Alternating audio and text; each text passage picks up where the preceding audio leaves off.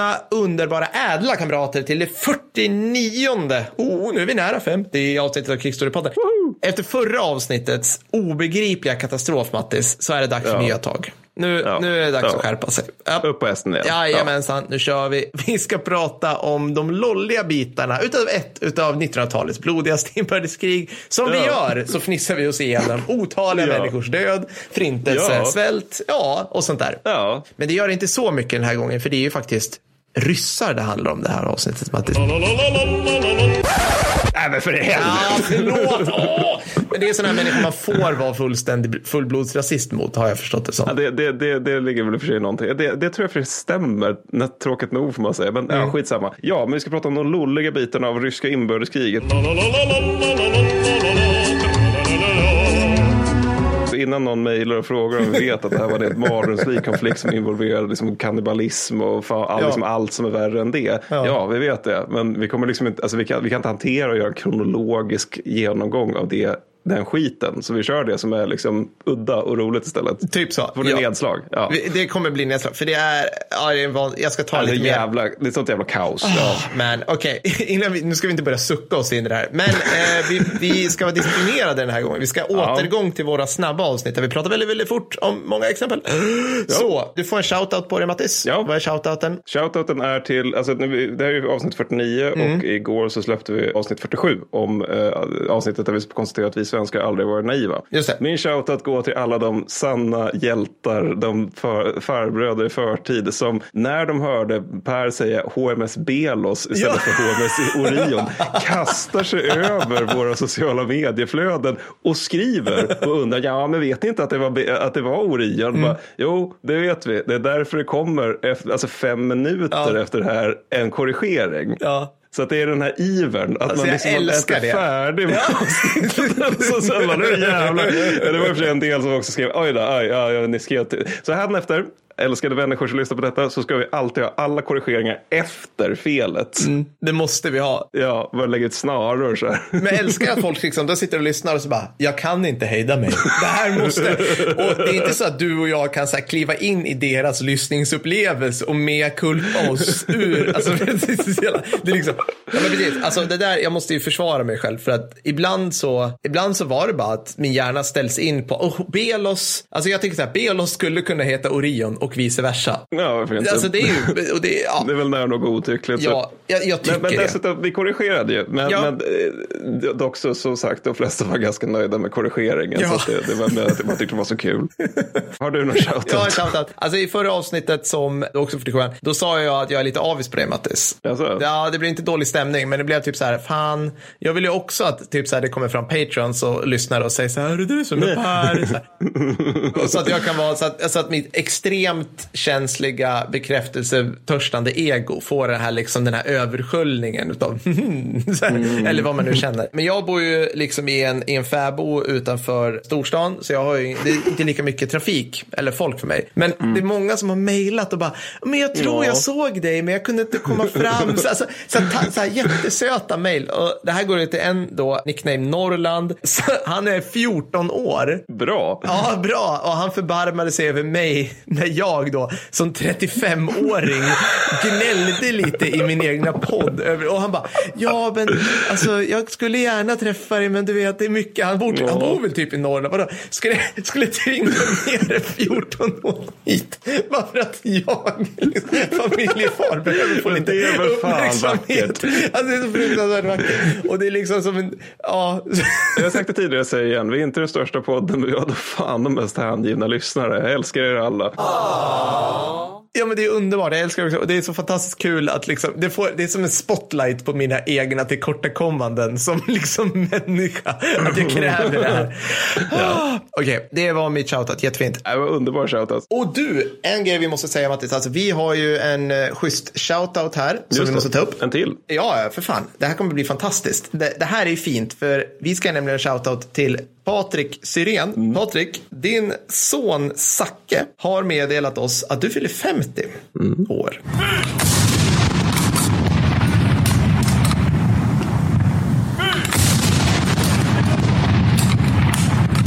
Så ja, tack för din tjänstgöring. Vad ska man säga? Men jag tycker framförallt det är härligt att vi får ge en shoutout till Major vid F17. Det, det, Ja. det känns ärbart och redigt liksom. Jag har varit vid F17, de har svingod mat. Alltså det är så här, flyget har episkt käk. De hade så här, vi fick strömming med skirat smör i deras matsal. Jag ser att du bryr dig jättemycket Nej, men det. alltså, jag, jag, jag tror det var flottan som hade den där typen av dekadens. Men det, de andra nej, jag blåa ska- vapenslaget. Alltså. Nu ska jag berätta för dig hur det här går till. Flottan har svinbra mat på båtarna. Just det.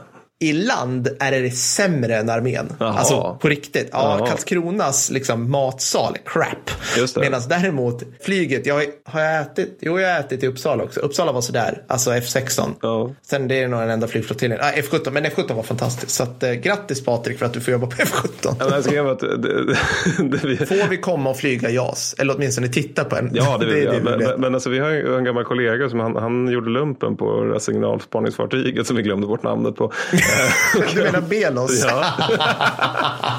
och han berättade att de vid något tillfälle hade, hade liksom på kul hade fartygschefen sagt att nu ska ni äta armémat. Och det hade de liksom gjort en gång och ska, fartygschefen hade liksom spottat ut och torkat sig och förklarat att det är helt oätligt att det aldrig mer fick förekomma på hans fartyg. Okänd. Ja, men vi hade ju en till shoutout också. En romantisk shoutout från Ja. eh, Isak Berggren Eklund. Jajamensan. Det är nämligen som så att Tilda, du befinner dig nu på utbytestermin i Zürich och Isak längtar efter dig. Mm. Ja, faktiskt. Så det här är romantiskt shoutout. Jag vet inte vad vi ska göra. Nej, men vi, eh, vi ska då. väl ge en shoutout till Tilda från Isak helt enkelt. Ja. Så komplicerat det. Det var väl typ det. Jag behöver inte vara romantisk. Det, blir konstigt. Men det är romantiskt att, eh, att Pat, Isak får tillika eh, arbetsgivare att, att han hörde av sig så att vi kunde ge den här fina shoutauten Ja. till Tilda. Ja, till, Tilda kan också rapportera att, att, eh, att det vill jag faktiskt stryka under att eh, Ja. Isak utlovar här att eh, er förstfödde son ska döpas till Mattis.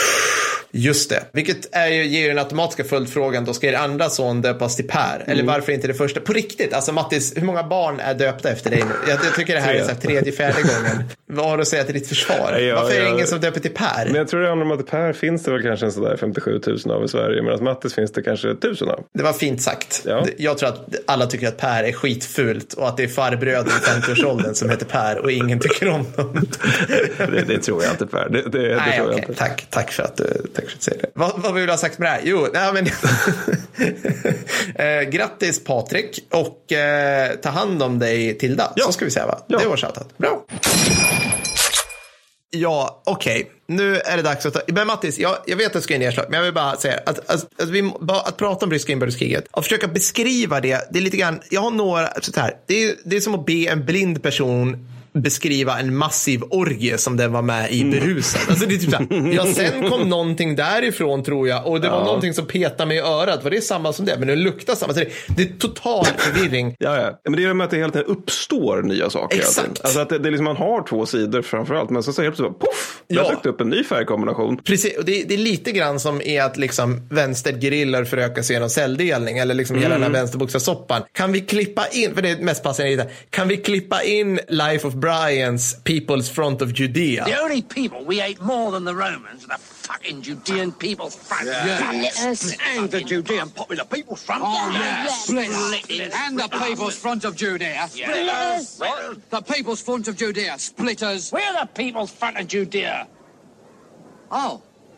I thought we were the Popular Front. People's Front. Whatever happened to the Popular Front? eh? Tack. Så förstår ni vad jag menar. För att det är liksom, Ja. det är den här grejen att jag, jag läser det här Matti. Jag, jag tänkte bara, men jag ska, jag ska liksom hålla mig till mina exempel. Men jag måste ändå kolla lite överlag. Det är liksom, ja.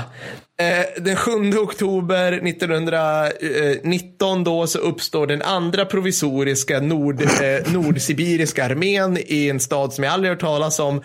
Och sen kommer den fjärde röd, röd svarta eh, brigaden som helt plötsligt uppstod i grannen bredvid och tar över staden. Fast sen får de slut på ammunition så de drar sig tillbaka samtidigt då. Och sen följer på riktigt fem stycken ryska namn. Så Ja. jag har ju tidigare avsnitt klagat över Mattis parentes, jag orkar, jag orkar inte hålla koll på alla vietnamesiska namn när jag läser om Vietnamkriget. Och det här är precis samma sak.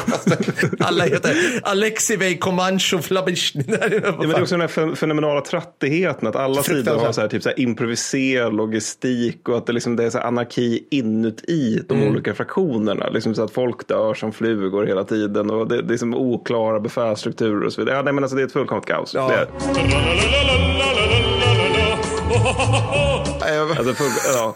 Ja, Men alltså, det, det, jag får ibland intrycket av att liksom, ryssarna valde det här med Lenin bara för att det här med inbördeskrig var så jävla jävligt. Liksom, att hellre att det är förtryck och att det finns ordning åtminstone. Än den här, det här libertarianska paradiset som vi befinner oss i just nu. Där Ja. det inte finns någon ordning vilket innebär att det finns ingen säkerhet vilket innebär att alla bara lider hela tiden. Alltså, det, det, ja. Då ska vi sätta igång eller? Ja, nu ska vi sätta igång. Det var min lilla passus så att ni aldrig mer behöver googla ryska inbördeskriget. Ja.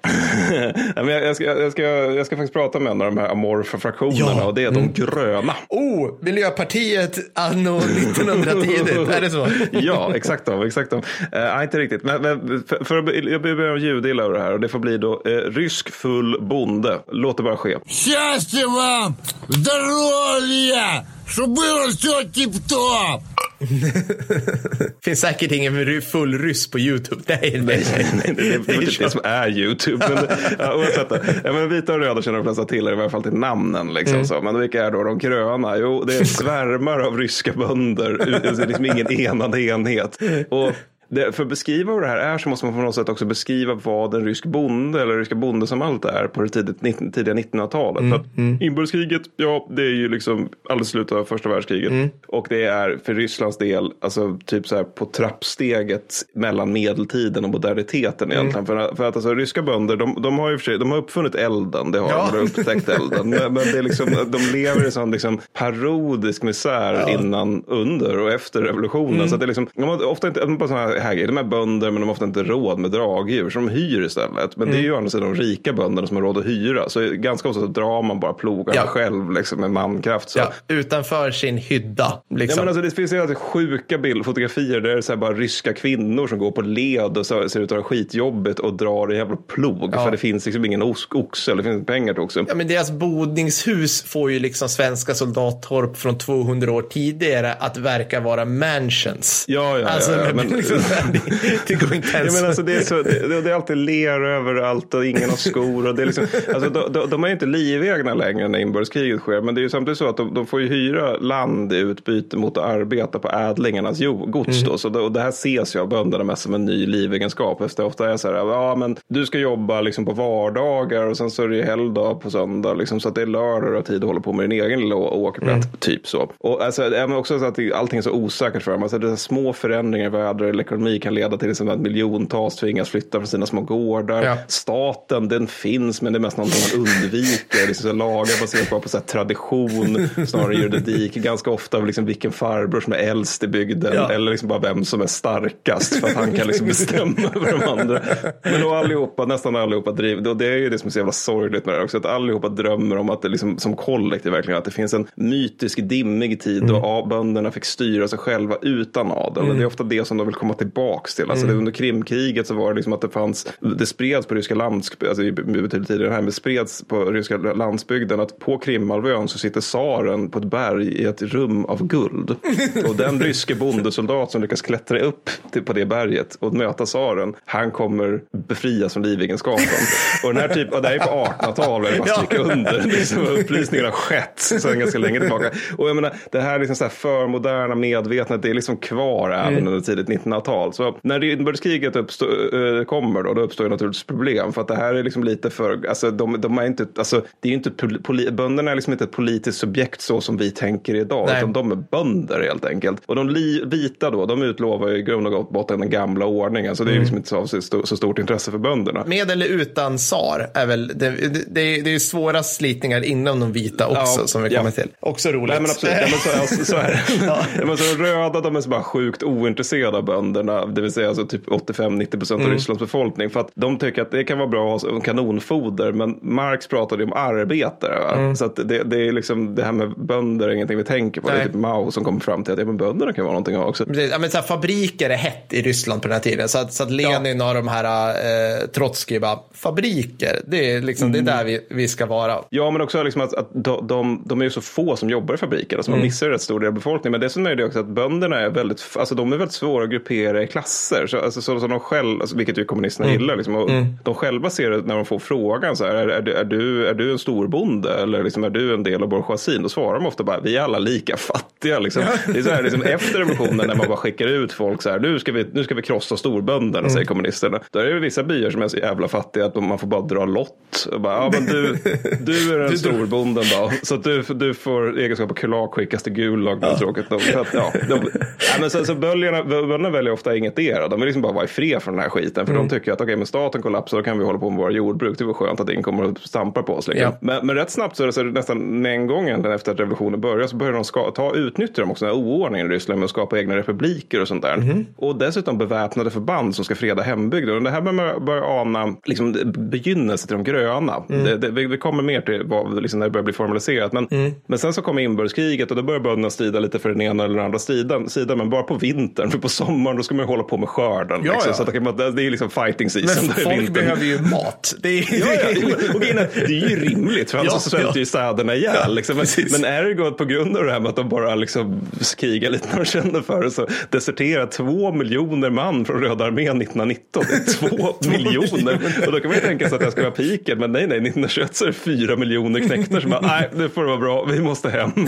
Så att, och, och då desertörerna då och Röda arméns försök att jaga ner och gripa dem eller döda dem, då leder till just då de gröna. Alltså den gruppen som kallas för de gröna, eller grupperna som kallas för de gröna. Och det här är liksom, or- det, här är liksom organiserade grupper, ofta som är de tusentals starka med bonderevolution som ideologi. Alltså de tänker sig liksom att vi ska egentligen bara avskaffa adeln och sen så ska vi få styra oss själva och framförallt så ska vi, liksom de jävla röda som håller på att snor vår mat och tar våra pojkar, de ska vi döda helt enkelt. Så de förhärjar Röda arméns bakre områden, spränger järnvägar, broar och telegrafsystem. Det är ett allmänt problem i största allmänhet. Och kommunisterna är också så här sjukt osmidiga för de bara, okej vi har det här problemet, samtidigt behöver vi också, vi har en skitstor armé av bondesoldater som Ja. behöver käk. Låt oss ta böndernas mat och göra dem ännu surare, surare med motivationen att vi ska stödja revolutionen.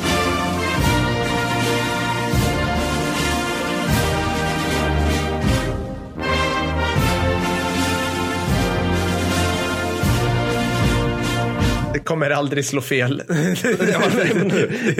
Hearts and minds. Det var verkligen så. Nej, men så I mars 1919 så fattar typ hela Volga eld. För att då är det liksom det dit det största upproret överhuvudtaget sker mot just de här matröderna. Och det är lite olyckligt för Röda armén. För de befinner sig just liksom i det här problemet att de vita håller på med en jätteoffensiv mot Moskva. Och, men då, då när de vita tar terräng. Då börjar bönderna omedelbart slåss mot de vita. Eller de gröna börjar slåss mot de vita. När de har liksom, de vita drivit bort de röda. För de vita de, de har liksom, de, de beter sig liksom på samma sätt som de röda. De snor också mat och bondsöner. Och det, så det är liksom bara så en ny person att skjuta på de gröna grund och botten. Och de vita har ju dessutom problem med att halva jävla Sibi- Sibirien just briserat i massa bonderevolter. Men, Just men det. det, som, det, det som, jag vet inte, det, vi säger att det här är lolliga, men någonstans är det också det här att det här, de gröna för min del, inte, de, alltså det är ju sorgligt många sätt, men också att det är liksom, det är så jävla surrealistiskt i största allmänhet. För att det är liksom, jag har en rubrik här som heter bondeförvirring.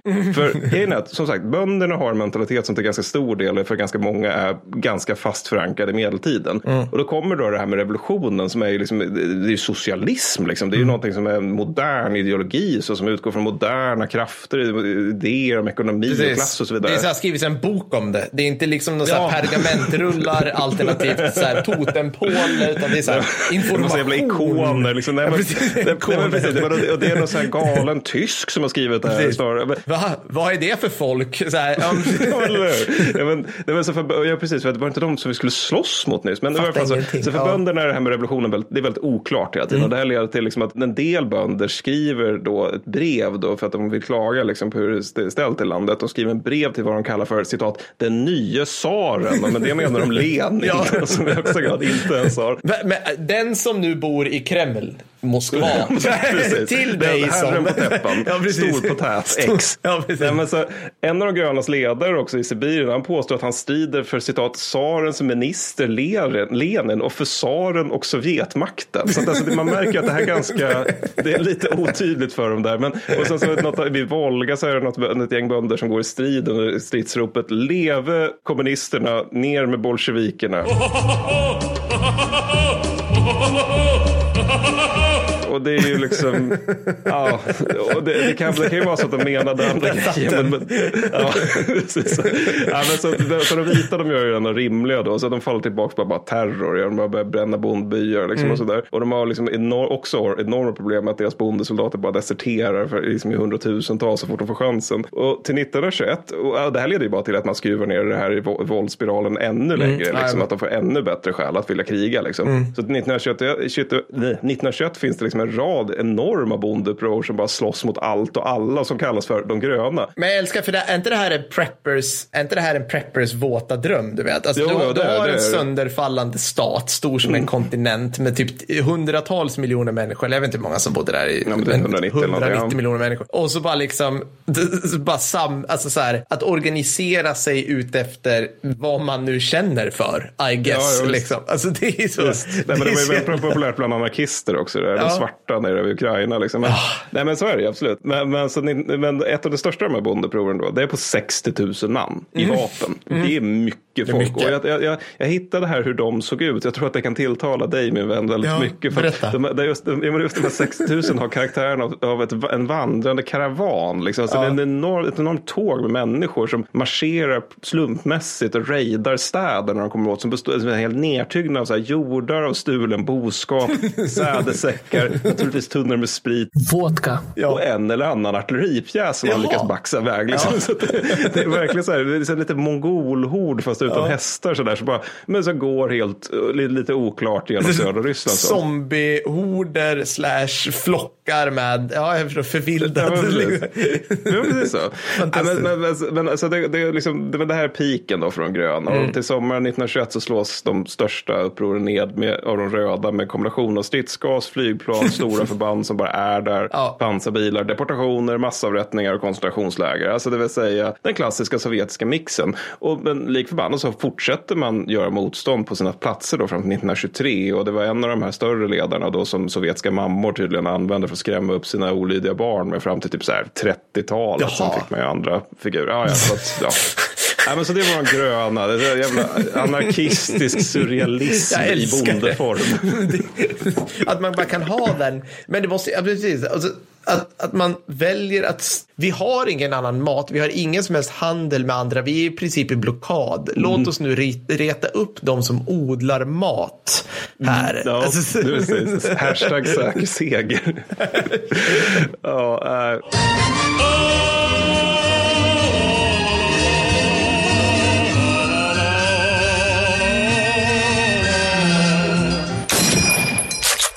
Okej, underbart. Yes. Det... Jag ska prata om någonting, jag skulle säga att det är snäppet upp på surrealisttavlan, eller vad ska man säga, skalan. Jag ska nämligen prata om Legionen. Åh, får vi in Marseljäsen? Nej, stopp!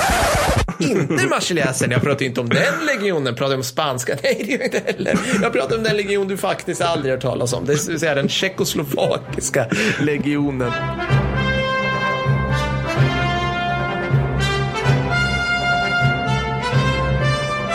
Nice. Och vad är då detta? Alltså det här känns lite fruktansvärt Mattis, för nu ska vi ju prata om människor som då, alltså, i, jag blir lite sorgsam faktiskt, för att första världskriget utbryter. En av de stridande parterna är vår underbara dubbelmonarki, den bästa. Men så visar det sig att det finns människor som bor i det här jävla stället som inte vill vara del av det underbara lapptäcket av folk, inkompetens, alkoholism och Konrad som är Centraleuropa. Jag vet! Utan de, de vill istället säga så här, nej jag är tjeck, jag vill skapa ett land som heter Tjeckien och jag är slovak, jag vill min, min, min. Så håller de på så. Vad ska Nej, jag, jag blir bli kränkt. Det blir jag jag blir kränkt. Ja. Mm. Ja, hashtag triggered skulle jag vilja säga. Så, de börjar automatiskt på en gång säga så här, hej Ryssland, vi är typ slaver, ni är slaver, vi vill strida för er. Mm. Och det visar sig på den här tiden, och fråga mig inte hur det här hänger ihop, för det här är så tidigt 1900-knasigt, det är svinmånga tjecker och slovaker i delar av Ryssland, Mm. det som Ryssland har där. Så att det de gör är att de säger så här, vi vill, vi, vi bor, vi, vi vill liksom skapa ett fritt Tjeckien och Slovakien. Vi döper oss till Tjeckoslovakien, det här förbandet. Så det, Och det, de uppfann den Mm. Jaha. termen, Tjeckoslovakien. Mm. Lite coolt. Och vi vill slåss för, för Ryssland och så att, eller ja, vi ska säga så här, brett uttryckt de allierade. Det finns alltså en tjeckoslovakisk legion i Frankrike och Italien också. Men de är inte i närheten av lika fräna som den här legionen. Nej, Ja, det, det kan vi säga. Utan den här legionen kommer förvandlas i något som du vill, du bara, bara har framför dig så här en, en, faktion av så här galna rundresande människor i Mad Max, ändra film, det spelar ingen roll. Så liksom, de som har Beyond Thunderdome, den faktionen, det är typ den här legionen. Jag tänker mig annars Warboys i Fury Road. De här som är Ja, mer eller mindre Warboys heter 40K-orker det. och bara, bara witness this. Just det, Witness Day, just det. typ den, den är ungefär där. Nej, men så att det här blir ett, ett snävigt förband, för till skillnad mot, vad ska man säga, till skillnad mot tsararmén under första världskriget så är de här alltså, motiverade. Oj, Jag behöver oj, inte ja. säga så mycket mer, utan de är typ motiverade och leds av kompetenta officerare, var nu de kommer I ifrån. Kreml sitter man bara och skakar på huvudet. Det, Det här kommer är aldrig bli oerhört det. oortodoxt. Vad vill att de är liksom de enda som står pall i vissa så här ryska offensiver där resterande Sovjet eller tsarryska arméer liksom kollapsar som sämre korthus. Liksom. Så de har rätt mycket skill, men så händer någonting rätt jobbigt för dem och det är ju det att ryska revolutionen inträffar. Det vill säga att de står där och ser ungefär landet runt sig bara förvandlas till, alltså, som, som liksom någon form av zombie-apokalypsfilm. Du vet, så när alltid, alltid börjar liksom första tio minuterna, så flygplan faller ner från himlen, folk ramlar av oförklarliga skäl ut genom fönster, bilar krockar. Och i mitten står liksom 60 000 tjecker och slovaker. Eh, och är så här, Tungt fan? också. Tungt, ja, ja, ja. Alltså det, de, är, de är uppe, du, du sa det 60, 60 000, det är ungefär vad de börjar med Mm. här nu, 1917. och vad gör de här? Jo, de, de vill ju bara ta sig därifrån. Ja. Okej, kan vi åka västerut för att Tjeckien ligger inte svinlångt bort? Nej. vi kan liksom inte ta oss till närmsta allierade land, det vill säga typ Frankrike slash Italien för att typ centralmakterna är i vägen. Om de ska göra det så måste de göra det här som inte gick under första världskriget. Det vill säga ett cleant genombrott genom tyska linjer och sen Exakt. liksom in i det. Det, det kommer nog inte gå. Nej. Det går, kommer inte gå. Nej, nej. Och liksom, det, så att, vad är närmsta väg då? Jo, det är helt enkelt att de står i västra Ryssland. Det är att ta sig över hela jävla Asien bort till Vladivostok och typ ta en taxibåt från Vladivostok till Flandern. Alltså så att det, du, ska, du ska liksom göra en, vad säger man? Världsomsegling. Vär- Du ska, tack, du ska göra en världsomsegling för att ta dig dit. Ja. Och de bara, ja men fair enough då. Är bara börja gå. Bara- Ja. De, de börjar med lite, vad ska man säga, med lite mutor och förhandling. Framförallt då med röda armén. För röda armén, alltså de har från tidigare inbördeskriget och egentligen tills de tar över, de har liksom, vad ska man kalla det, centrala Ryssland. Tänk er som en, en oval som täcker in Sankt Petersburg, det vill säga Petrograd och Moskva och sen går ner liksom en bit. Typ så. Ja, ni, ni får se, vi kan lägga upp bilder på det. Men de, de, de liksom, alltså tjeckerna är ju rätt så här realistiska i det här. Så bara, vi måste förhandla med dem. Så att de, kan vi få åka tåg? För tåg är ju det som, det här kommer vi till andra för. Att tjeckiska, alltså, ryska inbördeskriget utspelar sig i Sibirien till viss del. Vilket gör att det finns en väg i Sibirien. det finns en tåglinje. Det är typ det. Alltså, Men att hela kriget mer eller mindre är liksom först längs järnvägarna. Och det är väl Ja, därför pansartåg faktiskt, det är typ det enda konflikten, ja det finns några till, där pansartåg faktiskt är av vikt. För Oh, att man ja. kan kontrollera en, en järnvägssnutt med dem. Precis, precis. Ja, vad händer nu då? Jo, de, de åker tåg, de har tagit upp på tåg, de här 60 000 och sjunger liksom så här tjeckiska nationalistiska ramsor och tänker så här, ja, ja, vi åker väl österut istället för västerut, men det går väl rätt fort. Mm. Just det.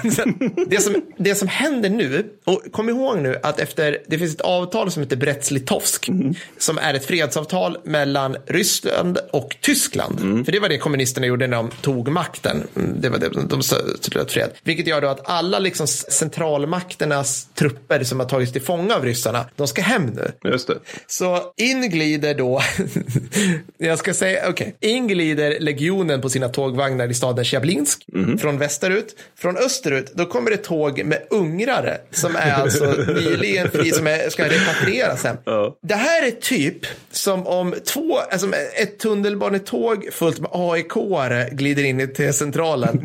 samtidigt som ett tåg fullt med bajare glider in precis, ni vet, där de tågen röda och gröna möts. Just det. Och så kliver de av och så Just bara, det. Och det är derby. Äh, det- Det är gärna derby och, bara, och man tänker sig att de är vuxna människor så de så här bjuder varandra på kaffe och säger vad kul att du också håller på den här sporten där man ska jaga en rund sak. Och du vet, så här. Men det är inte det som händer Det i det, verkligheten? Nej. Mattis. Nej, det är ju inte det. Så, så att, så att eh, tråkigheter utbryter mellan de här liksom två. Så att, eh, för att ungrarna tycker då helt enkelt att Tjeckien och Slovakien är förrädare.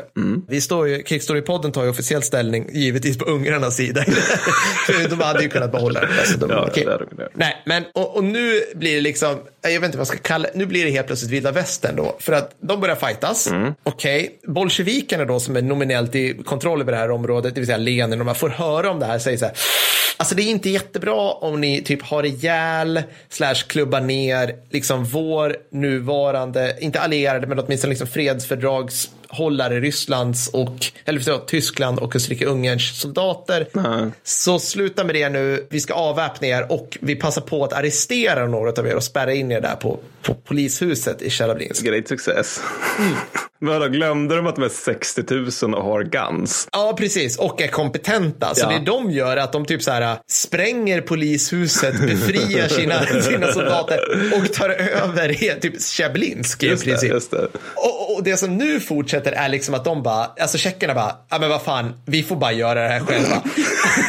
och tar över i princip hela Transsibiriska järnvägen, alltså från någonstans östra, västra, alltså den östra delen av europeiska Ryssland Ja. och österut. Och bara på, alltså, så, jag skulle vilja att det skrivs böcker om tjeckoslovakiska legionens kvartermästare. Och för de, de måste bara ha, okej, vi, vi, är he, vi är ett strandsatt förband av armékårsstorlek.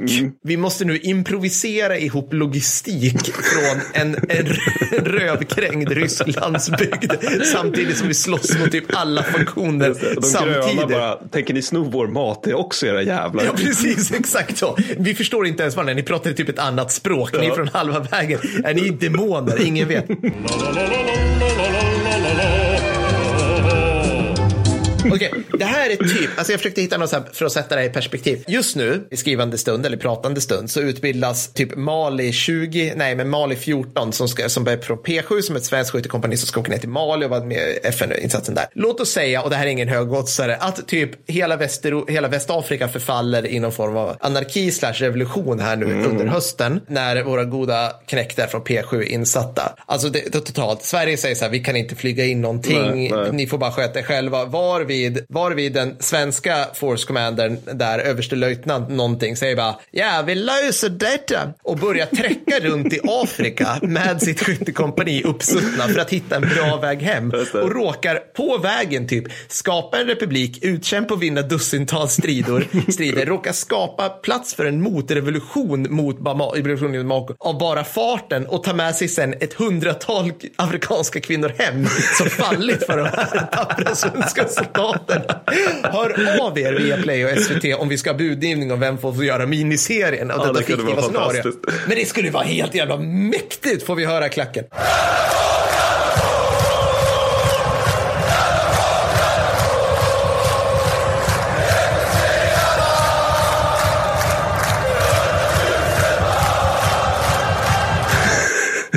Men för, för den som leder den här styrkan, heter han möjligtvis Indiana Jones? För det Nej. låter som någonting som är taget ur det eller Tintin. Så. Ja, det är exakt det. Alltså det är typ så här, alltså, de är typ äventyrare i legionen. Det är det bästa paktetet. Vem är du? Eh, Slimnad Slavanski, eller vad de heter på tjeckiska. Jag är soldat och äventyrare, konstsamlare, storviltsjägare. Typ. Det är den känslan. Jag får, jag får otroligt mycket excentrisk brittisk officer copyright-känsla när jag läser det. Okej, nu har de erövrat sig genom hela Transsibiriska järnvägen. De har även då genom att de har närmat sig överhuvudtaget, alltså de är sådan maktfaktor att, att kommunisterna, eller bolsjevikerna, får höra att de börjar närma sig Jekaterinburg som är Rysslands tredje största stad idag, jag tror det var det då också.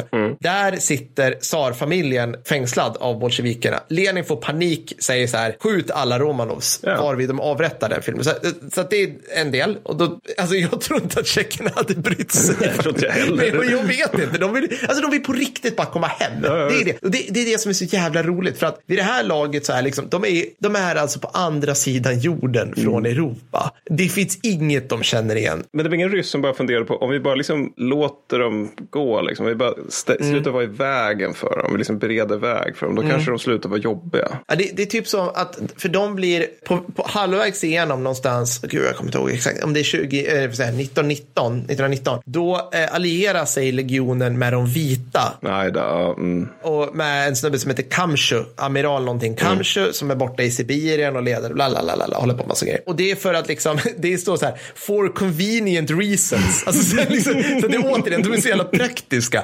Och under tiden ska vi säga så här, alltså de har, som du sa, pansartåg. Som ser ut som något som är gjort av Barbapappa, men de fungerar uppenbarligen. Framförallt, men de, har också så här helt episka grejer som typ, nu ska vi se, det var bagerivagnar, postvagnar, sjukhusvagnar, baracker och en rullande tidningsredaktion Fan, med tryckeri. coolt. Alltså så att de är såna jävla MacGyvers allihopa. Det, det, det, Men det låter som den filmen Icebreaker tycker jag. Du vet, det är en Exakt. civilisation som är ute och drar på ett tåg. Vänta, heter den Snowpiercer? Ja, Snowpiercer, Nu, förlåt. förlåt. Ja, Snowpiercer, ja. Vi får lägga in en korrigering fem minuter efter. Ja, eh, precis. De har redan hunnit skriva nu på våra sociala medier för att du sa icebreaker. Det, att vi inte kommer, vi får inte ha fel. Okej, vart var jag någonstans? Jo, de har ett stort tåg. Ja, precis. Så de har massa tåg och de kommer dit. På vägen lyckas de erövra även en del utav, alltså SAR, SAR-ryska guldet, det vill säga statskassan. Några vagnar som de tar med sig. Ja. I, va- I varje fall. Men vadå, de var ute och går i snöstormarna där och helt plötsligt så dyker ett tåg och bara, åh, guld. Och, Ja, typ så. alltså, det är ja. så kas- någonstans vid någon ort som heter Kazan och det var det här jag sa i början. Alltså alla dessa ryska jävla orter som ingen men alltså jag blir helt, ah, jag blir helt matt liksom. Så där, den har de med sig. Så de är rätt, de är rätt badass nu, men de får också nu för att det roliga här är att samtidigt som det här sker så har ju då en del saker hänt i Västeuropa. Det vill säga att Tjeckoslovakien eller Tjeckien och Slovakien har blivit ett faktiskt land. just det. Mm. Ja, för att eh, vår underbara dubbelmonarki, eh, Rest in Peace, har gått under eller löst upp.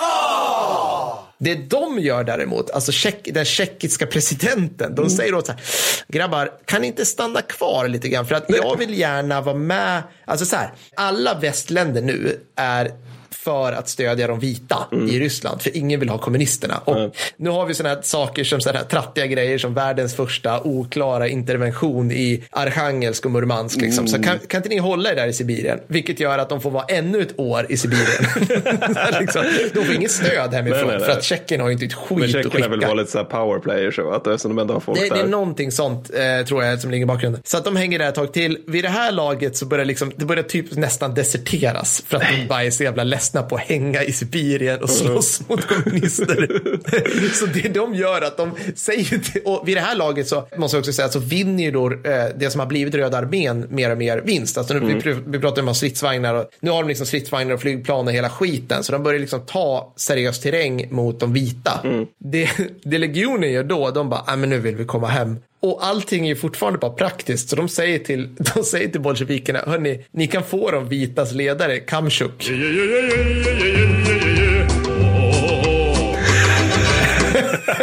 Vi lämnar över honom till er, plus guld. Ja, om vi bara får komma hem. Ja. Och bolsjevikerna bara, yes. Alla är Och så, nöjda. så, det finns bild nu, så, det finns bild på i Vladivostok där, Mm. liksom, där legionen står uppställd på parad Mm. för att nu ska vi åka hem. Då, har de, då har de stridit i hela Ryssland från 1917 till 1920. Så de Jesus. sista tjeckerna åker därifrån 1920. Just det. Förluster, eh, en bit över 4 000 stupade av 60 000. Det är ändå ganska bra. Det är ändå ganska bra. Tillskott, hundratals ryska kvinnor som har gift sig med soldaterna längs vägen. Kan vi lägga in vara- Indiana Jones-låten? Ja.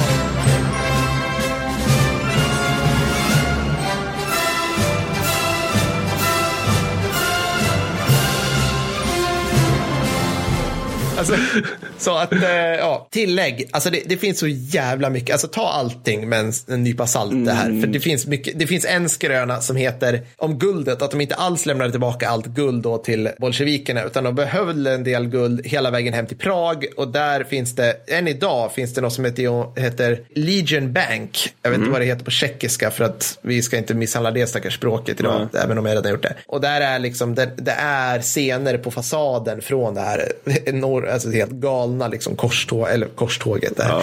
Äventyret med brist på bättre ord. Liksom. Men, men alltså det, det, det är ju en så typisk grej i historien som det är tacksamt att spinna skö, skrönor om. För menar, så här, vem, ja. vem, ska, vem ska säga emot? Liksom, legionärerna kommer hem och säger vi gjorde det här. Jag menar, ja, det, Det gjorde ni säkert. Ni gjorde helt van- vansinniga grejer i största allmänhet. Ja, men jag älskar, alltså, jag äl, alltså så här, bara sånt här kan hända liksom i sönderfallande stater. Ja, ja, alltså bara, bara så här, det är så, det är sån sjuk, alltså, Ja, men det är just när det blir herrarnas fria åkning och alla har vapen. Ja. Och liksom makten är lite så här up for grabs. Då, då uppstår ju Ja. sådana här typen av sjuka, bisarra, lolliga situationer. Ja men precis, och jag, jag, har ju nästan, jag kan nästan inte släppa det det här romantiska skimret jag har Nej. över legionen. Att man skulle vilja oh, ändå, oh, hänga med lite grann. Sen har jag ingen aning om vilka byar, byar de bränner ner eller vilka liksom, begynnande folkmord de får för sig. Men, men liksom de, de, de, och de, det som har sagts efteråt så, så kan ju självklart vara så här skönmålning i efterhand är ju liksom att alltså, kamratskapen var helt otrolig. Alltså du kan ju tänka dig vilken jävla bondingprocess. Alltså, så, Mm. Men de liksom, har det ju bara vara varandra. Liksom. Vad fan ska de ta sig till om de, de inte... är i fucking Sibirien. Ja. Ja. Så att det, det var legionen. Den var episk. Väl värt sitt eget avsnitt någon gång. Vi får se. Ja.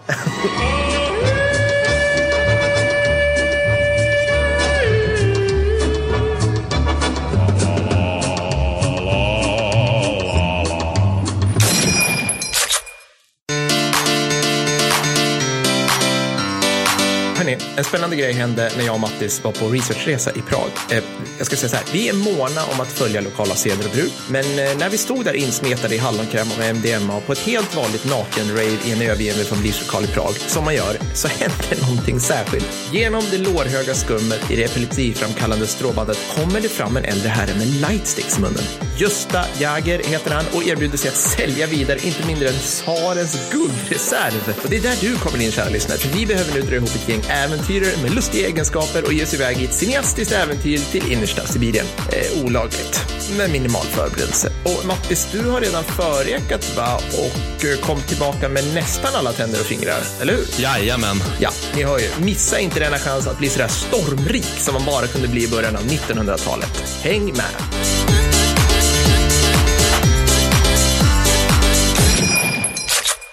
Ja, men äh, ska jag ta min då? Du tar in, yes. Ja, för du nämnde det där med interventioner i Arkhangelsk, så jag ska köra det. Den Ah. allierade interventionen i Arkhangelsk 1918 Åh, vad 1919. roligt! Ja. Spänn fast säkerhetsbältena för blir åka av.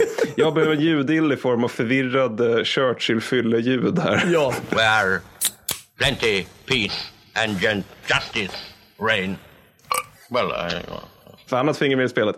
Ja, nej men så här, va. Hela den här grejen baseras på, för att citera författaren jag läste om där, på missuppfattningar, missförstånd och önsketänkande. jag Mycket tänker att det är bra. alltid bra grund för alla, all militär verksamhet. Ja. Det här är alltså en intervention, alltså intervention i Ryssland inleds redan i, liksom på riktigt då, redan i mars 1918 av britterna då. Och det man vill göra för att titta sådär i början det är att man vill skydda Murmansk för att man tänker att tyskarna kan ta det och upprätta ubåtshamnar där. Och då undrar jag lite grann, vad spelar det för jävla roll? Men skitsamma, Ja. man skickar ju in något hundratal så här, Royal Marines eller något då, som ska vara i Murmansk. Och sen så liksom ökar det här successivt under månaderna, månaderna som går. Helt, helt plötsligt upptäcker man att fan, det finns ju GER i Arkhangelsk som är avsedd för tsarryska armén.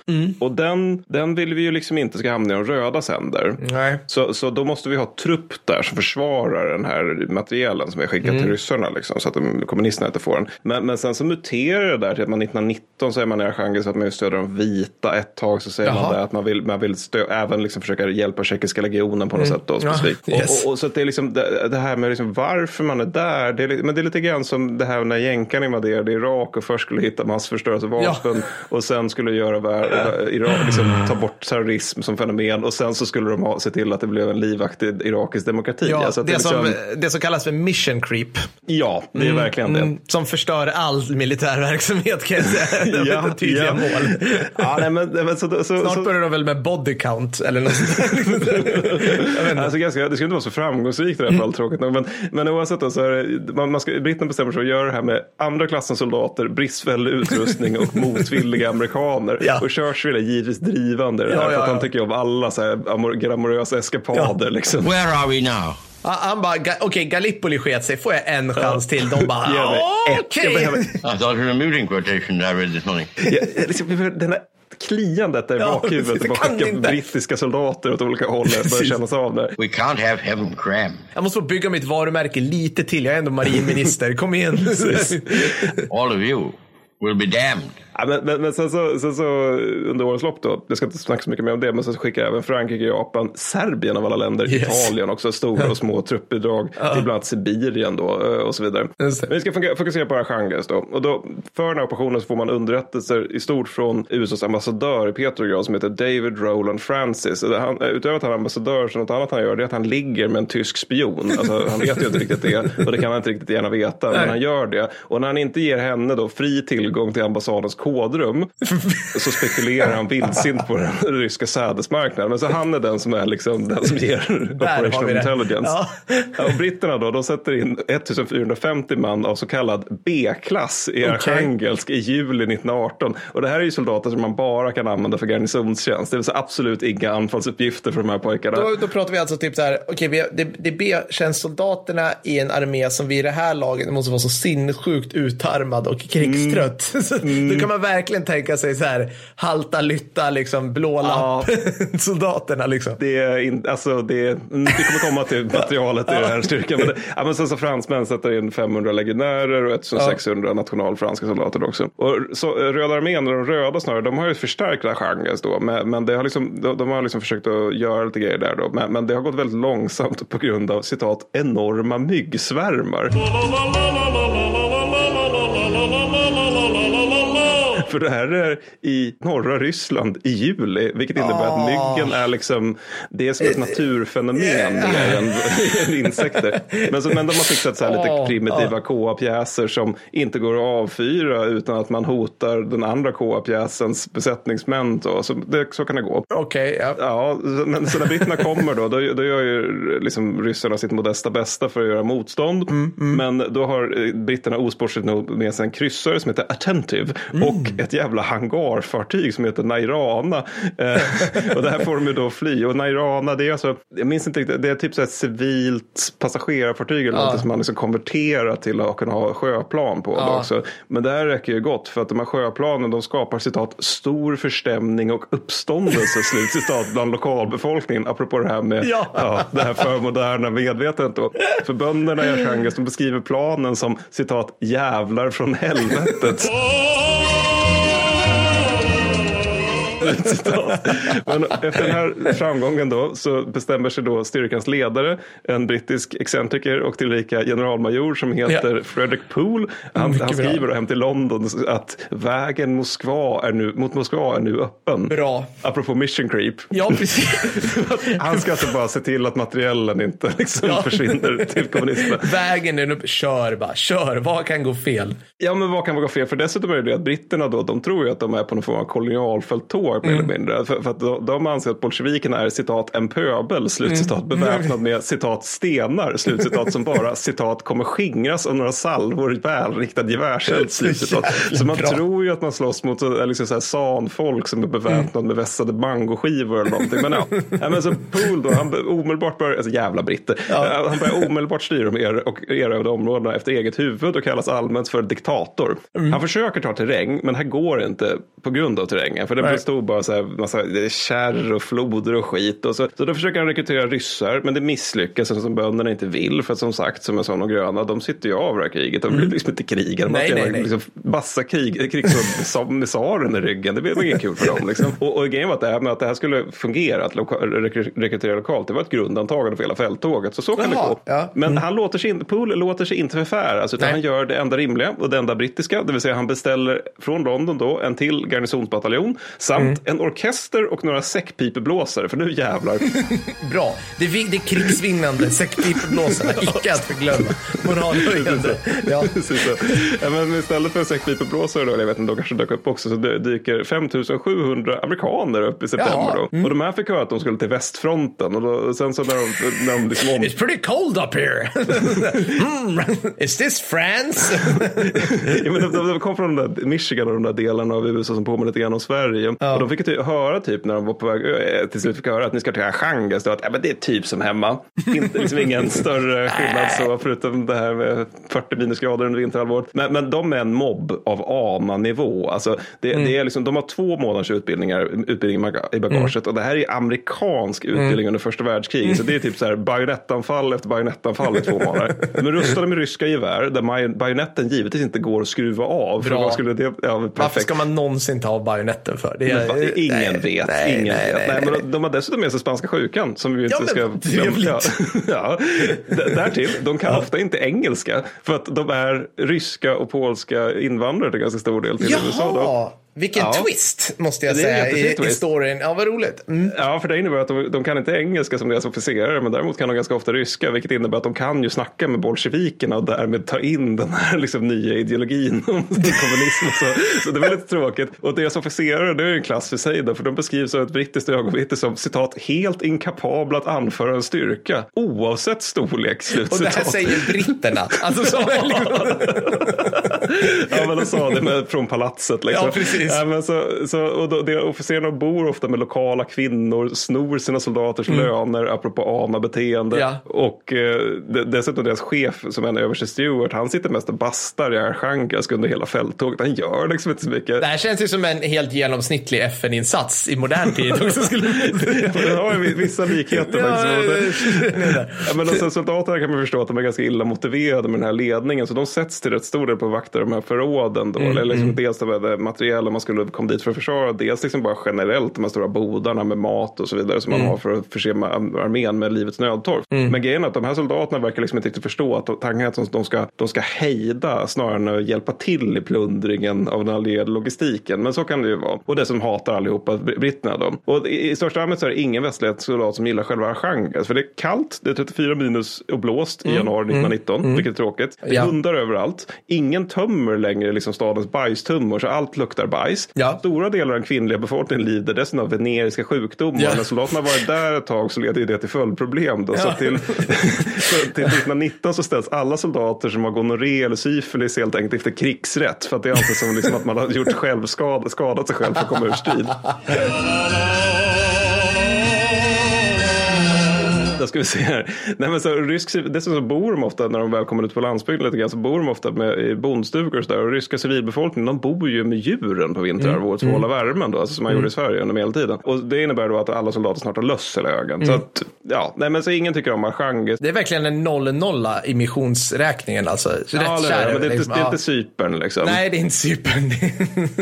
Nej men Pool då kan låter sig inte förfäras utan han sätter liksom mot hösten igång med nya, nya anfall då för att återigen ta terräng. Då. Den här gången sätter han in amerikanska, amerikansk trupp för anfallsuppgifter vilket han absolut inte får. Alltså Washington Nej. har sagt att ni ska hålla den här det är liksom blåshål till stad det ska göra. Så han framrycker några mil söderut men det här går, långsamt på grund av dels sovjetiska pansartåg, dels floder och dels kärr. Ja. Men han så det börjar nu är, jag måste säga, det är strider mellan alltså, de allierade och bolsjevikerna. Ja, ja, de, de är ett shooting war verkligen. Okej, alltså, de, ja. de, de, de är inte alls vänner så. Och eh, Poole, han, jag tycker om honom för det här någonstans, nu ska vi komma ihåg att det här är alltså kring höst, jag tror det var augusti, september någonstans 1918. Då börjar han drömma om att återupprätta Tsarryssland och östfronten mot tyskarna. Och det här är liksom under tiden i Frankrike så brakar hela tyska armén ihop. Samtidigt som han börjar drömma de här knarkdrömmarna. Då.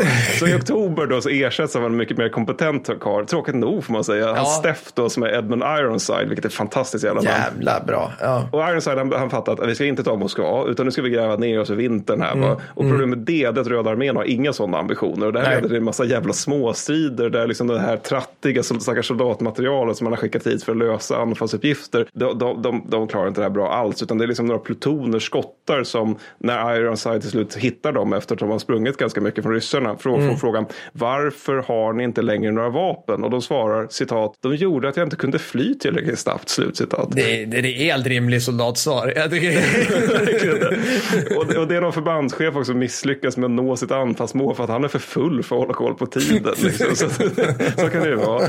When in Russia man. Vodka. Ja. Ja, men, Nej, men, men jag tror mycket det här med att de inte har så mycket att göra. Alltså, de, Nej. bor ju i så här befästa bondstugor ute liksom på landsbygden. Då kan man inte göra så mycket annat än att sitta och småsupa förstås. Nej. Men, men oavsett då, så Ironside han gör liksom sitt bästa då för att upprätta det så kallade ryska nationella armén då som ska ju vara då något sånt här som kan vara för de vita kanske eller vara något eget eller så. Och det bara går sådär. I december så räknar de 1700 man. De har, ska vi säga, oklart stridsvärde och de är på, ständigt på randen till myteri. De vägrar göra honör och Ja. när Ironside säger att nu ska ni ut i fronten och kriga lite grann. Då, nu ska ni först ha en liten parad här. Då låser de in sig i sina baracker och hissar röda fanor över det huset.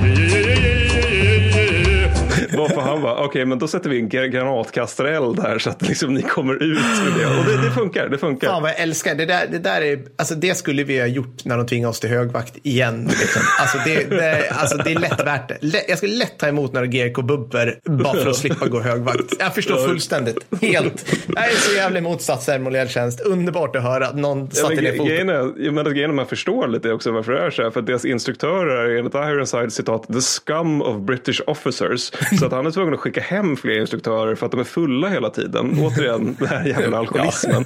Och ingenting blir bättre av att första världskriget faktiskt slutar. För nu är det ju så att soldaterna absolut inte fattar varför i hela helvete ska vi skydda världen mot tysk imperialism i Arkhangelsk när kriget är fucking slut. Och jag fryser och har löss och jag har syfilis.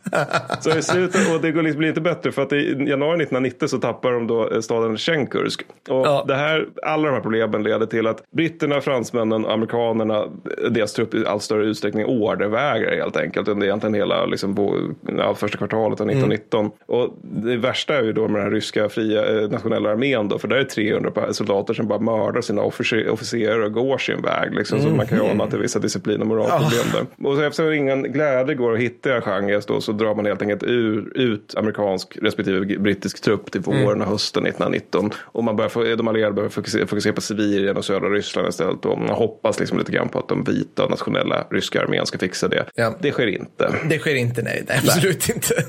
Ja, men så det var den allierade interventionen i Arkhangelsk. Ja, men, eh, jag älskar att den liksom satte ribban för andra trattiga, oklara. Nu skickar vi trupp dit på grund av kanske X eller Y eller Z. Ja, och ja. väl där ska ni göra Z, X, Y kanske eller 5. Ja, ja. Ja, Nej, ja. helt, Nej, det är helt. ett fullkomligt clusterfuck. Jävla underbart.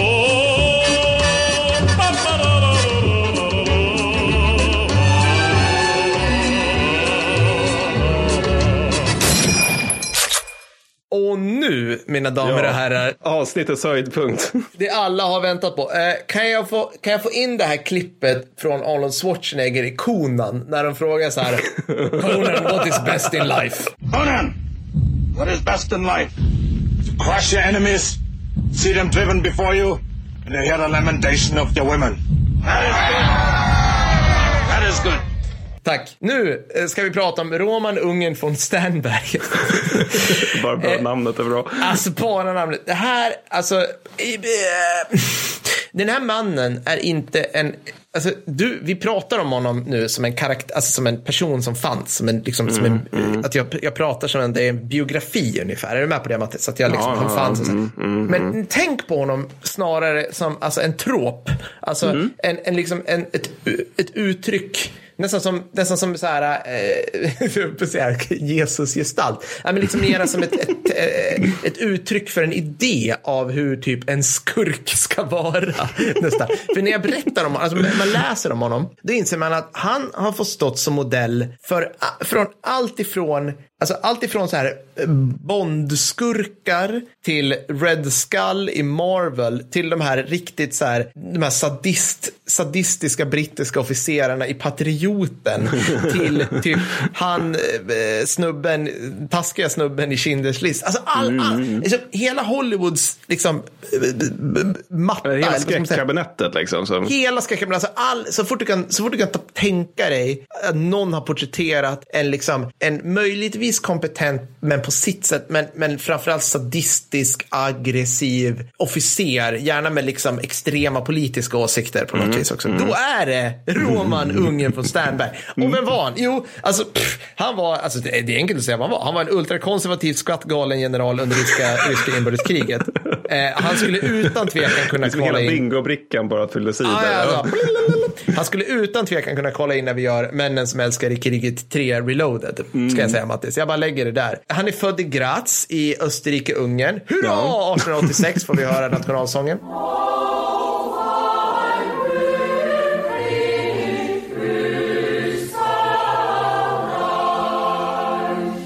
Tack. Och då, i och med att han är född 1886 så är han för övrigt exakt 100 år innan oss. Så är han en klassisk galen 80-talist med andra ord. C. Strindberg ett all. Alltså det föddes många, många weirdos på 1880-talet. Ska jag ha sagt. Ja. Jag skjuter in det där. Han tillhörde en adlig balttysk familj som kristnat bönder med svärdet i Estland sedan medeltiden och hade behållit den synen på den estniska allmogen. Det vill säga mera som jobbig fauna. Alternativt flora. Alltså så här, de, de, är, de är tistlar. Så det är den nivån de är på. Liksom. Ja, nu måste jag vada genom tistlar igen. liksom.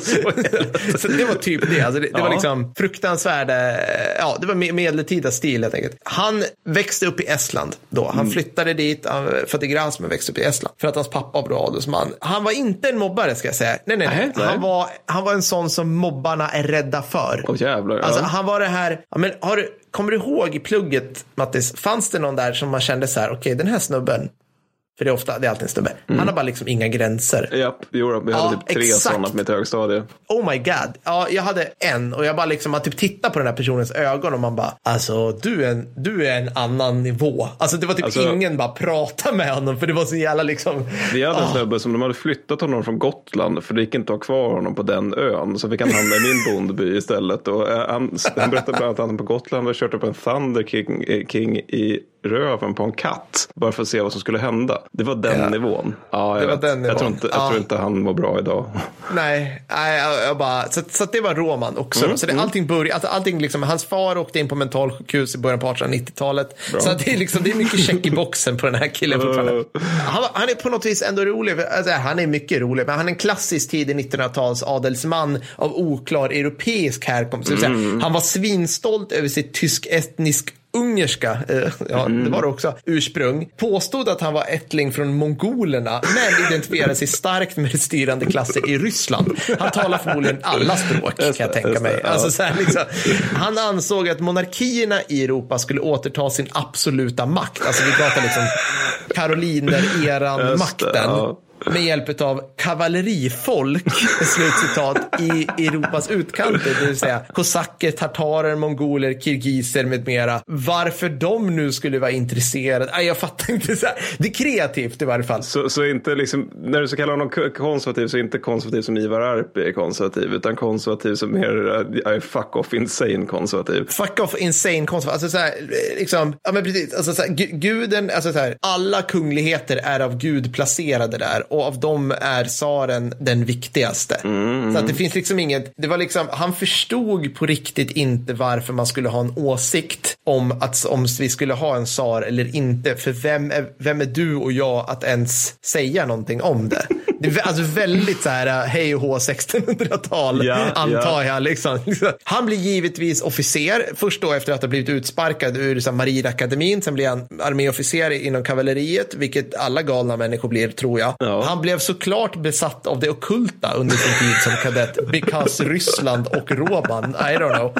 Eh, ja, och Mattis, jag skulle Ja. säga det här, om du någonsin trodde att bara fromma, lugna människor blir buddister, Mm. I present to you the blood Bloody Baron, baron Unge från Stenberg, som liksom lyckades kombinera, alltså han var liksom, jag tror han var japansk shinto-buddhist innan de kom på det, förstår Men du? Alltså, det går ju inte. Eller liksom, hur då? Det här är ju tidigt 1900-tal. Det, det är ju inte som idag där man kan googla. Nej, alltså han måste bara, han, han liksom ramlade in på det där och typ tyckte, men det här kan jag kombinera på något askonstigt sätt med min kadaver, eh, lutherska inställning och att människor, alla förutom mig, eh, typ förtjänar att bajonettas eller åtminstone ridas ja. över. Eh, jo, men det här går nog, så var liksom, han var Det är mycket inte så jag tänker med buddister. Men, ja. Nej, men, men du vet. Det, så att han var inne på så här, du vet att han, om han skulle han avrätta kommunister, vi kommer ju såklart i inbördeskriget här, Mm. då gjorde han dem en tjänst när han skulle avrätta dem och högg huvudet av dem. För enligt buddhistisk tro så reinkarneras inte de som någonting. Utan Ja, ja. då slutar reinkarnationen om man hugger huvudet av dem. Vad Ah, trodde, ja, ja. trodde han? Jag har ingen aning om det här stämmer. Så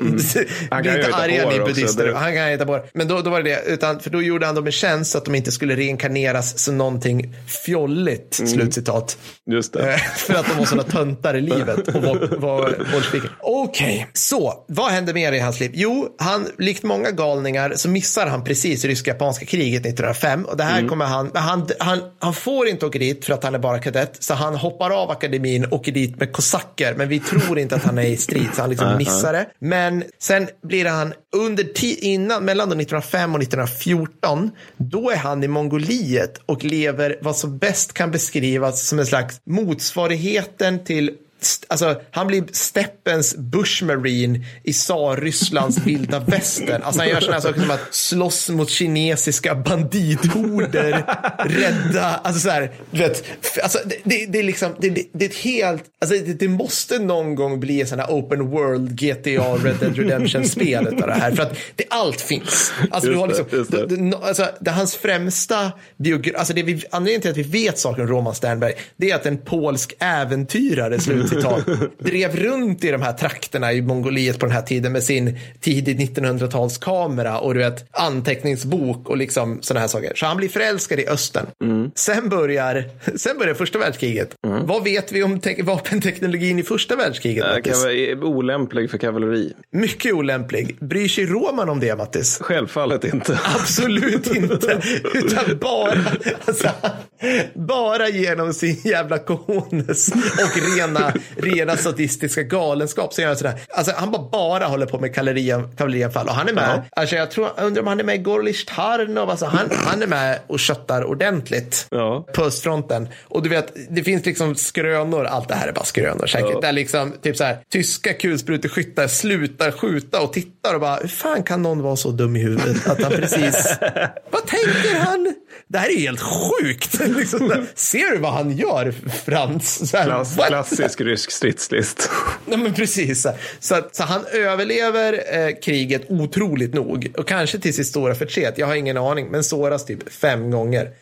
Sen, blir det, sen, sen blir det 1917. Och då, han har alltså vid det här laget gjort sig så... Han har vid det här laget gjort sig så mycket ovän med ryska högre officerare, det vill säga sina chefer. För att han, han, han gör den klassiska roman. Det är att bli svinfull och ge sig på att spöa folk till höger och vänster. Det spelar absolut ingen roll vilka de är. Han bara går loss på snefyllor och knark. Alltså typ, han, han, han, han lyckas också kombinera sin extrema liksom, överklass högfärdighet med, med att vara extremt drogliberal. Mm. Så det är på många sätt alltså, en sammankoppling av allt det jag inte gillar. Mattis, Men det låter ju som att det är en sammankoppling av typ hela 1900-talet i en person. Liksom, Ja. ja. Ja, Och från och till så är det någon av de här 103-åriga ryska farbröderna till generaler som går förbi där med käpp och rullator liksom. Så man bara "Ah!" och så slår ner honom. Eller? Ja, ja, visst, visst. Och så bara, men vad fan Roman, nu får du skärpa dig. Så vi skickar dig till Kaukasus där du ska spika fram, du ska skapa assyriska milisarméer som ska slåss mot ottomanerna. Det här är Just verkligen det. backwater. Ja. För att, för att Kaukasusfronten, ja ni kan lyssna på första världskrigets Ja, avsnittet om ni vill veta mer om Kaukasusfronten. Skit i det. Nu är det revolution. Han har en ny chef som han gillar som heter någonting på S, jag kommer faktiskt inte ihåg, Smerdolov tror jag det var. Han är lika mycket monarkist som Roman och typ säger så här, nu jävlar, allting faller, vi drar till Mongoliet igen för vi ska spi- spika ihop en kontrarevolution och återinsätta tsaren. Ja. Och Mong- alltså, varför Mongoliet? Ja, men det är för att det är, liksom, det är som sagt är vilda västern. Där har vi handlingsfrihet, att typ rape and pillage och jag vet inte, hästfolk. För att han, han är liksom, alltså han, är ing, han, är, han kör bara på sina styrkor under hela sitt liv. Observera, han är typ 27 nu. Vi, vi kommer ja. Så, ja. Han kör bara på sina styrkor. Och det vill säga, så här, han kliver aldrig av hästryggen. Det spelar ingen roll hur många tyska kulsprutor eller trumeld han rider in i. Utan det är bara artilleri liksom som gäller. Så han rider dit. Han passar på att gifta sig med en manchurisk prinsessa Klart. som han bara kan prata engelska med för att på gammalt hederligt sätt knyta ihop säcken. Alltså glöm Ja. inte liksom vilken, ja, alltså så han, han binder något manchurisk obefintligt kungahus då tillsammans med de mongoliska Bogd Khan som är liksom Mongoliets ja, nyligen, som en, ja, en liksom kunglighet som man ska återinsätta. Alltså allt det här är så jävla, men han leker, Ja. han leker så här europeiskt 1300-tal Ja, just det nu. gör han. Han lajvar typ Genghis khan, men Typ så, för han tror ju att han är en ättling till Genghis Khan. Han är ja, helt det är klart han gör. Ja, just det. men det går ju inte. Och här skapar han den asiatiska kavalleridivisionen. Den innehåller 16 nationaliteter och kan bäst beskrivas som befolkad av äventyrare. Just det, alltså, just nu, det. nu är vi där igen. Ja, alltså, ja. Det, det, är liksom, det är alla. Alla är där. Alla som är någonting. Det är bara uh, young Indiana Jones-människor som hoppar runt här och rider runt. De genomför, för nu- återigen, nu börjar det närma sig så här 1920 där liksom. Så att nu börjar ju återigen bolsjevikerna få upp lite ånga. Alltså Mm. de börjar ha sin gear in order, vilket gör att Roman om och om igen genomför galna kavallerianfall mot stridsvagnar, kulsprutor och flygplan till, med extrema förluster till följd.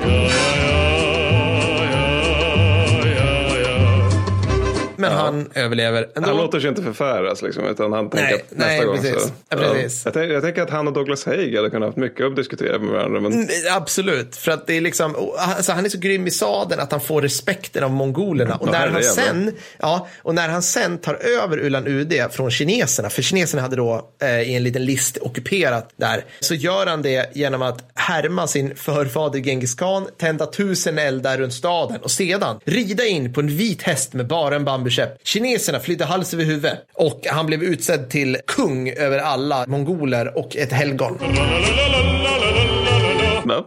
Det här, det här hände inte för övrigt. utan det här var bara ett exempel på en Nej, han tog, alltså, han tog efter extrema förluster så tog de till slut Ulan Ude. Han blev däremot eh, ansedd som en gud av mongolerna, som deras krigsgud. Dalai Lama den 13 sa att this is the man. Just det, just det. Eh, ja.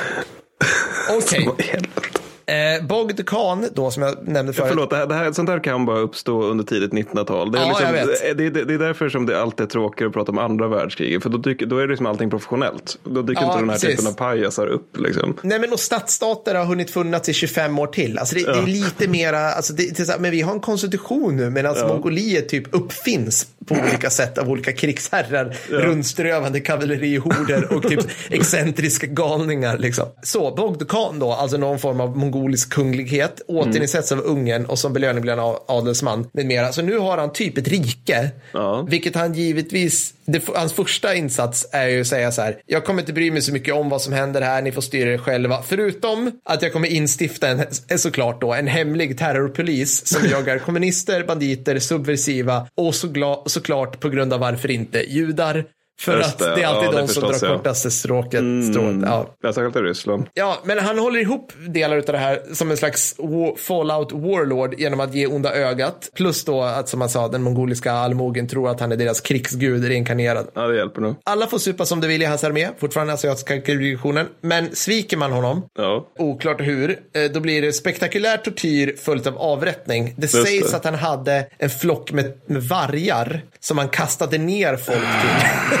Jesus. alltså, ju mer man läser om honom, man Men alltså, bara... det här är ju en skurk i Fantomen. Det här är inte en riktig Ja, person. nej, alltså det går liksom inte att ta honom på allvar. Det, alltså det finns så jävla, det, det sägs liksom att han skulle, jo men alltså, alltså återigen då, så, här, så kommunisterna liksom trycker ju på här nu. Och jag menar, Mongoliet är ju ett korthus Ja, ja. redan. Så att, men, men han vägrar, tror det, så att när han ska, det sägs då att han, han ska anfalla, göra någon sån här galen, svinlång anfallsrörelse med delar av sin kavalleridivision. Och då får till och med de nog och gör myteri mot honom, binder honom vid ett träd. Och det är så bolsjevikerna hittar honom. Så det finns, och de bilder vi har på honom liksom mot slutet av sitt liv, då är han liksom i sovjetisk fångenskap.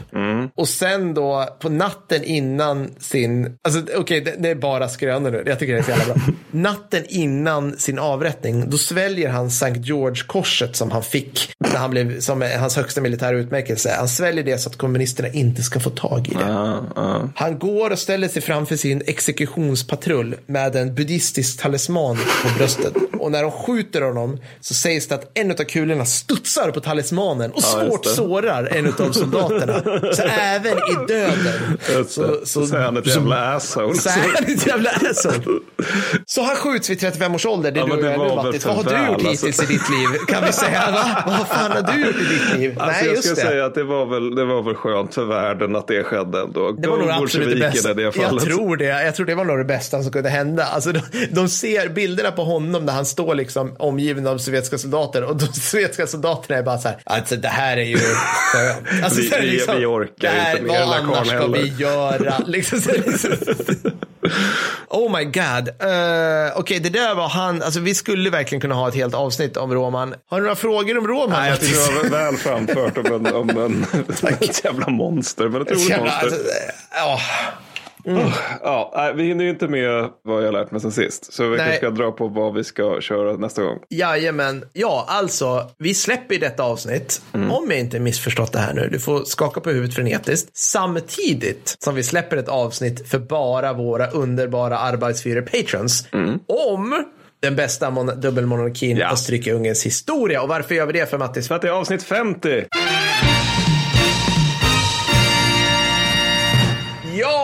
Jubileum! Det måste man ju fira på något sätt. Ja, det måste man. Ja, och sen så avsnitt 51 blir det om Iran-Irak-kriget. Precis, jag Det, tänkte alltså, komma till alltså, det, det, det här fick, alltså, det kommer bli så jävla grimdark. Det, alltså, Ja. De röstade och de valde det. Men, men Ja. ja. det, ja, det blir liksom, ja men eh, jag tänkte säga det, vi, vi, bara, vi gav er andra saker, men ni valde att rösta. vi gav dem 22 Kongokriget som är liksom typ Ja, lika mardrömslikt. Det är sant. Men eh, jag tror ändå vi når Peak Grimdark med, nu ska vi säga, Radikaliserade barnsoldater som strider i elektrifierade brinnande träsk insvepta i stridsgas. Ja, det är precis yep. så. Mm, så, ja. skojsigt va allihopa. Eh. ja, det blir nog inget missigt avsnitt. Nej, det blir fantastiskt. Men kan bli intressant. Det kan det bli. Bra. Tack för att ni har lyssnat. Tack för att du var här Mattis. Ja, men stort tack själv. Ja, så syns vi nästa gång. Ja, det gör vi. Hej då! Hej då!